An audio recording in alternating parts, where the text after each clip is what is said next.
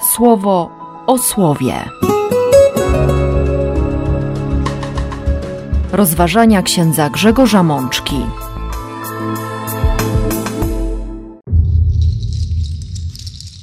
Druga niedziela po Narodzeniu Pańskim, rok C. Z mądrości Syracha. Wtedy Stwórca wszystkiego dał mi swój nakaz, który i mnie stworzył, wyznaczył miejsce pod mój namiot i powiedział: Przy Jakubie postaw swój namiot, Izraelowi stań się dziedzictwem. Z Psalmu 147. Wysławiaj Jeruzalem Pana. Wychwalaj Syjonie swojego Boga, bo On umacnia rygle bram Twoich, On błogosławi synom Twoim w Tobie. Z listu do Efezjan. On nas wyznaczył do swojego usynowienia przez Jezusa Chrystusa, zgodnie z upodobaniem swojej woli, abyśmy wychwalali wspaniałość Jego łaskawości, którą nam okazał w umiłowanym. Z Ewangelii według świętego Jana. Boga nikt nigdy nie zobaczył. Jednorodzony, Bóg, który jest w łonie Ojca, On pouczył. Siostry i bracia, przed nami druga niedziela po narodzeniu naszego Pana Jezusa Chrystusa. Dopiero co zakończyliśmy tę oktawę świętowania rocznicy urodzin Jezusa i ciągle brzmią nam w uszach e, i kolendy, i te Ewangelie, szczególnie redakcja świętego Łukasza, które przypominają o punkcie zwrotnym w historii całego świata. Przede wszystkim w tej historii, która jest historią zbawienia. I dlatego ciągle jakby nienasyceni tą prawdą o Bożej miłości, o tym pomyśle na nasze zbawienie, próbujemy z różnych stron dotknąć tej tajemnicy, ucieszyć się nią, przyjrzeć się temu wydarzeniu, przejąć się nim i, i po prostu zachować je w swoim sercu. I nie chodzi bynajmniej o żadne przedłużenie magii świąt, czy zatrzymanie za wszelką cenę zapachu świąt, ale o utrwalenie w pamięci i w świadomości faktu naszego zbawienia. Chodzi o ten podziw wobec Boga, który stał się człowiekiem. O tym mówi nam dziś dobitnie apostoł narodów w pierwszych wersetach listu do Efezjan, ale zanim dotrzemy do tego tekstu, mamy jeszcze dwa inne słowa. Fragment 24 rozdziału Mądrości Syracha i Psalm 147. W tym pierwszym tekście jesteśmy świadkami hymnu mądrości, wyśpiewanej przez nią samą, hymnu uwielbienia wobec Boga, wobec Stwórcy wszystkiego. Ona może się szczycić, i to jest trzeci werset 24 rozdziału Mądrości Syracha.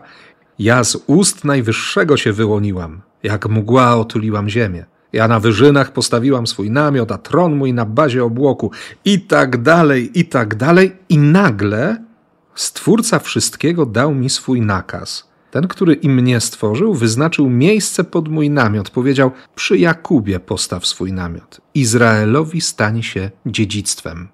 Jakie znaczenie musi mieć w oczach Bożych właśnie ten najmniejszy, ten z tak bardzo skomplikowanym życiorysem, że Bóg mówi: tutaj, tutaj zamieszkaj. Jakub, Izrael. Wiemy, że chodzi o jeden naród, wywodzący się od jednego człowieka. Człowiek o dwóch imionach, o dwóch historiach.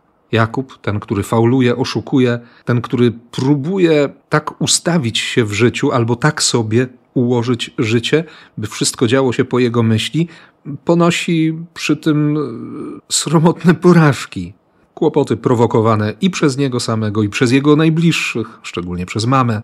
Trudne, naprawdę trudne życie.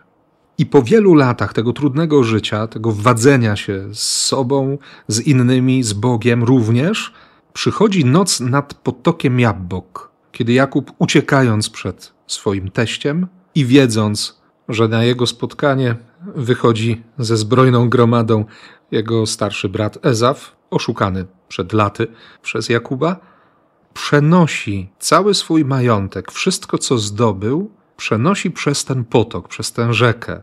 I nagle, kiedy zostaje już sam na brzegu, dokonuje się w nim wewnętrzna walka, na tyle silna, na tyle mocna, Walka, o której Księga Rodzaju powie, że to była walka z Bogiem, z aniołem Pana. Walka, której zewnętrznym skutkiem będzie zwichnięcie stawu biodrowego. Walka, która skończy się przylgnięciem do Boga. Tak mocnym, że Jakub otrzyma nowe imię Izrael. I po doświadczeniu tej nocy Izrael będzie już wiedział, że, że sensowną przyszłością dla niego jest oparcie się o Boga. Jest bliskość z Panem. I taka właśnie będzie historia tego narodu. Zaufanie wobec Boga, wiara Najwyższemu będzie owocować błogosławieństwem. Uparte trzymanie się własnych pomysłów, własnych planów będzie sprowadzać nieszczęście. Nie dlatego, że się Bóg będzie mścił, ale dlatego, że człowiek bez Bożej pomocy zwyczajnie się gubi. Jest biedaczkiem, bezradnym. Od razu gdzieś na myśl przychodzi ten moment, kiedy Jezus patrzy na swoich uczniów, na tych, przepraszam za wyrażenie, rosłych chłopów, przyzwyczajonych w większości do ciężkiej pracy, patrzy na nich i mówi: Beze mnie nic nie możecie zrobić. To jest stwierdzenie faktu. Zresztą o tym będą nam mówić teksty Nowego Przymierza, zarówno list do Efezjan, jak i po raz trzeci w ostatnich dniach proklamowany nam prolog Ewangelii świętego Jana. Ale wróćmy jeszcze do mądrości Syracha. Przy Jakubie postaw swój namiot, Izraelowi stań się dziedzictwem. Jak bardzo Bogu zależy na tych ludziach. Jaką troską Bóg otacza tych, którzy są najmniejsi, nic nieznaczący. Jak mocno chwytają Boga za serce nasze biedy, nasze bezsilności, nasze bezradności, te wszystkie chwile naszego życia, w których, w których naprawdę nie udajemy, że, że sobie ze wszystkim radzimy, ale potrafimy stanąć przed Panem i powiedzieć: Nie umiem, nie potrafię, nie wiem. Również nie wiem, jak Ci wierzyć, nie potrafię Ci ufać, nie umiem Cię kochać. Pewnie sporo tych momentów walki ze sobą, walki z Bogiem, walki o siebie i walki o Boga mamy już w naszej historii. Wiele się wydarzyło. Pewnie jeszcze wiele przed nami. Rok 2022 dopiero się zaczął. Ale słowo, które dziś do nas przychodzi, Bóg, który przychodzi, bo to słowo jest osobą, mówi: Jestem, robię wszystko i zrobię wszystko, aby być, aby być przy Tobie, aby to moje imię objawione Mojżeszowi na Synaju było imieniem, które i Tobie będzie bliskie. Jestem, jestem obecny tutaj, teraz, dla Ciebie. Siostry i bracia, często mówię o tym i często przypominam to imię Boga, ale dla mnie osobiście jest to również bardzo ważne, by sobie to uświadamiać, by, by ciągle do tego wracać, by nie pozwolić sobie na chwilę niepamięci. Bo owszem, można nagrywać komentarze do niedzielnych czytań, używając formy bezosobowej, ale istotą jest pogłębianie relacji z Bogiem, mojej osobistej relacji. Bo słowo, powtórzę raz jeszcze, jest osobą. W języku polskim ten wyraz jest rodzaju nijakiego i może dlatego czasami zaprzepaszczamy szansę spotkania. I również dlatego potrzeba, byśmy sobie przypominali o tym, że, że słowo jest osobą, słowo ma imię, słowo ma twarz. Zupełnie inaczej słucha się Biblii, kiedy, kiedy człowiek ma świadomość, że tu chodzi o rozmowę, że On, Bóg Wszechmogący, którego mogę rozpoznać w twarzy Jezusa Chrystusa, Bóg, który przedstawia mi się z imienia, opowiada mi o sobie, pokazuje, kim jest, odsłania swoją tajemnicę. Mówi, jak bardzo mu na mnie zależy. Oczywiście nie możemy pominąć tutaj całego aparatu krytycznego, wszystkich dziedzin nauki o Biblii, by nie spłycić jej przesłania, by nie zawłaszczyć i nie dopasować słowa Boga do własnych wyobrażeń. Ale również nie możemy zapomnieć o tym, że, że tu chodzi o budowanie relacji, że chodzi o spotkanie, o spotkanie konkretne, moje konkretne życie i konkretne działanie Boga. Jak choćby w Psalmie 147. Wysławiaj Jeruzalem Pana, wychwalaj Syjonie swojego Boga. Dlaczego? Bo On umacnia rygle bram Twoich, On błogosławi synom Twoim w Tobie. On daje Ci bezpieczeństwo. To jest psalm dedykowany Aggeuszowi i Zachariaszowi. To są, to są czasy proroków i kapłanów, którzy wrócili z niewoli babilońskiej, którzy otrzymali polecenie, by odbudować święte miasto, odbudować świątynię. Bóg daje słowo, że Jeruzalem będzie bezpieczne, że On się zatroszczy o błogosławieństwo, On zapewni pokój, On da dosyta przed nią mąkę z pszenicy. On jest Bogiem bliskim. Przeżywamy tajemnicę Bożego Narodzenia. Bóg jest Bogiem bliskim, On pozwala, żebyśmy Go wzięli na ręce.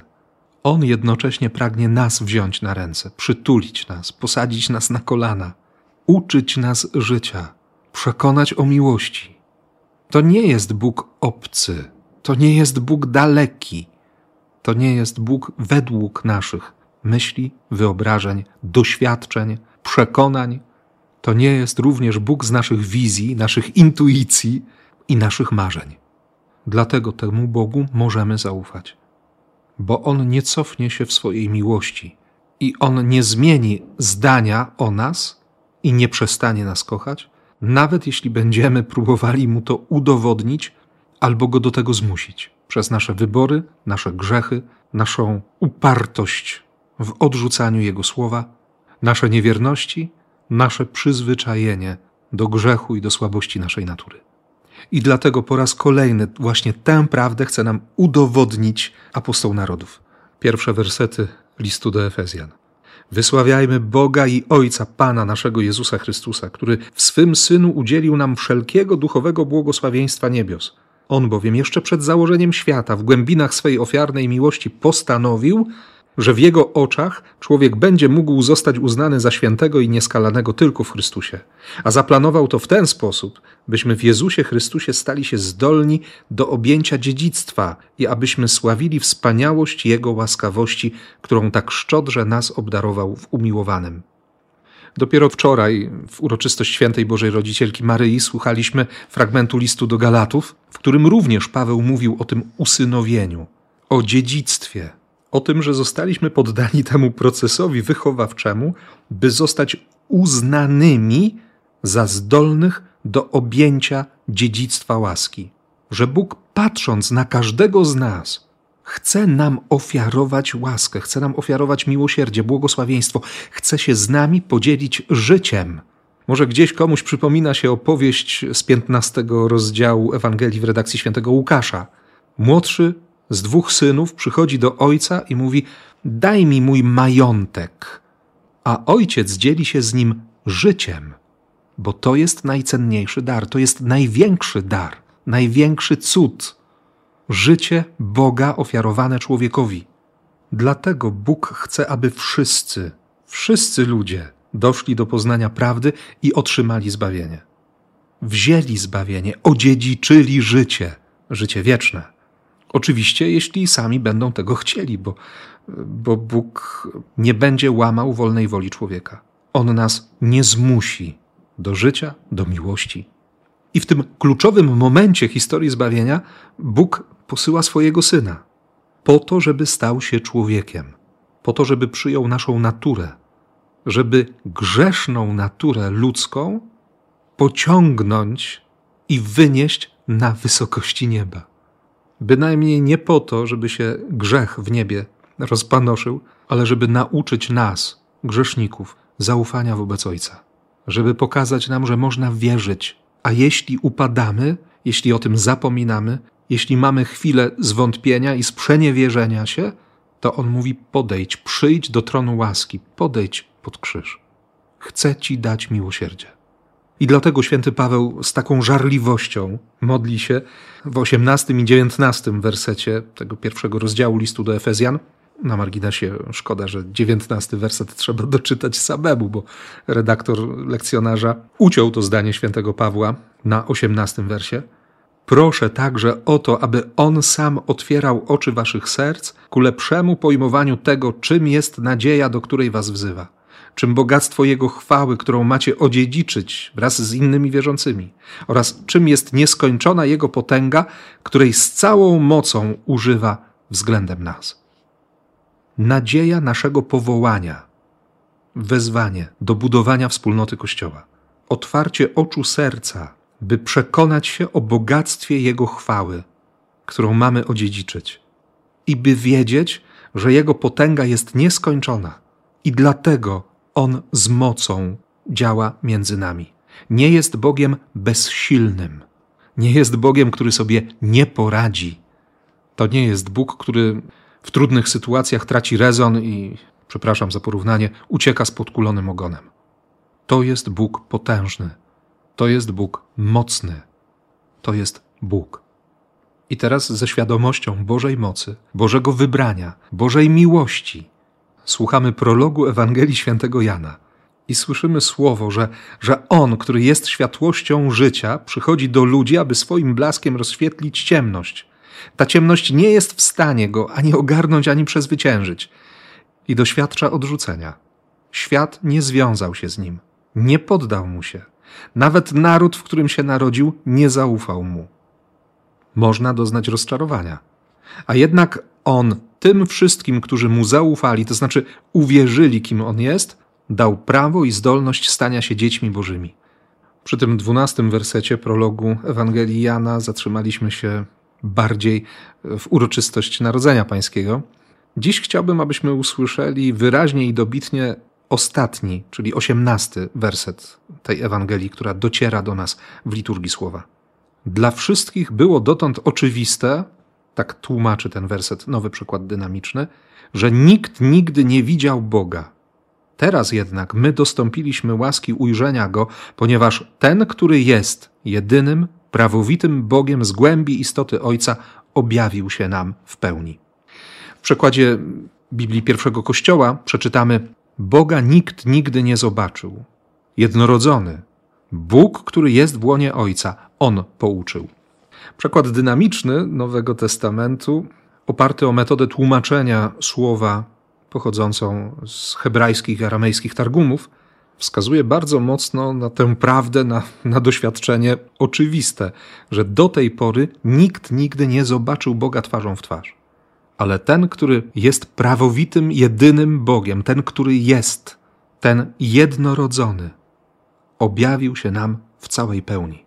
On nas nauczył, jaki jest Ojciec. On jest doskonałym obrazem Ojca. Jeśli chcę wiedzieć, jaki jest Bóg i chcę widzieć, jaki jest Bóg, mam spojrzeć na Jezusa. Tym bardziej, że wcześniej autor Ewangelii zaznaczy, że ani Boża łaska, ani prawda Boża nie są dostępne poza Chrystusem. Człowiek poza Chrystusem jest wykluczony z łaski i prawdy. Dlatego Kościół też tak mocno mówił, że poza Chrystusem nie ma zbawienia, poza Kościołem nie ma zbawienia, dlatego że choćby święty Paweł, apostoł narodów, często używał zamiennie słowa Chrystus i słowa Kościół, bo doświadczeniem pierwszego Kościoła było to: w nas jest Jezus. Jesteśmy Chrystusem dla świata. Chrystus działa w swoim kościele. Chrystus się kościoła nie wyrzeknie. Nie ma kościoła bez Chrystusa. I Chrystus nie chce być w tym świecie bez kościoła.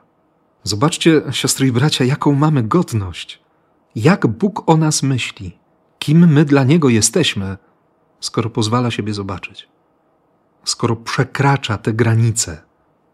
Kiedy wyznajemy prawdę, że Słowo stało się ciałem i zamieszkało między nami, czy rozbiło między nami swój namiot, to naprawdę mówimy o tym, że Jezus nie tylko przyjął ciało, ciało człowieka, ale też naszą ludzką naturę i dlatego daje nam swojego ducha, byśmy robili to samo, abyśmy jako świątynię Bożego Ducha wybierali łaskę, świadomie, dobrowolnie decydowali się na, na bliskość z Bogiem.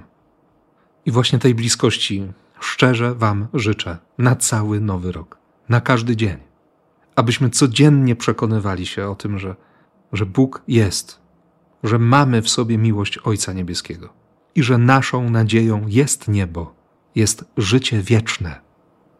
Niech tak się stanie. Amen słowo o słowie.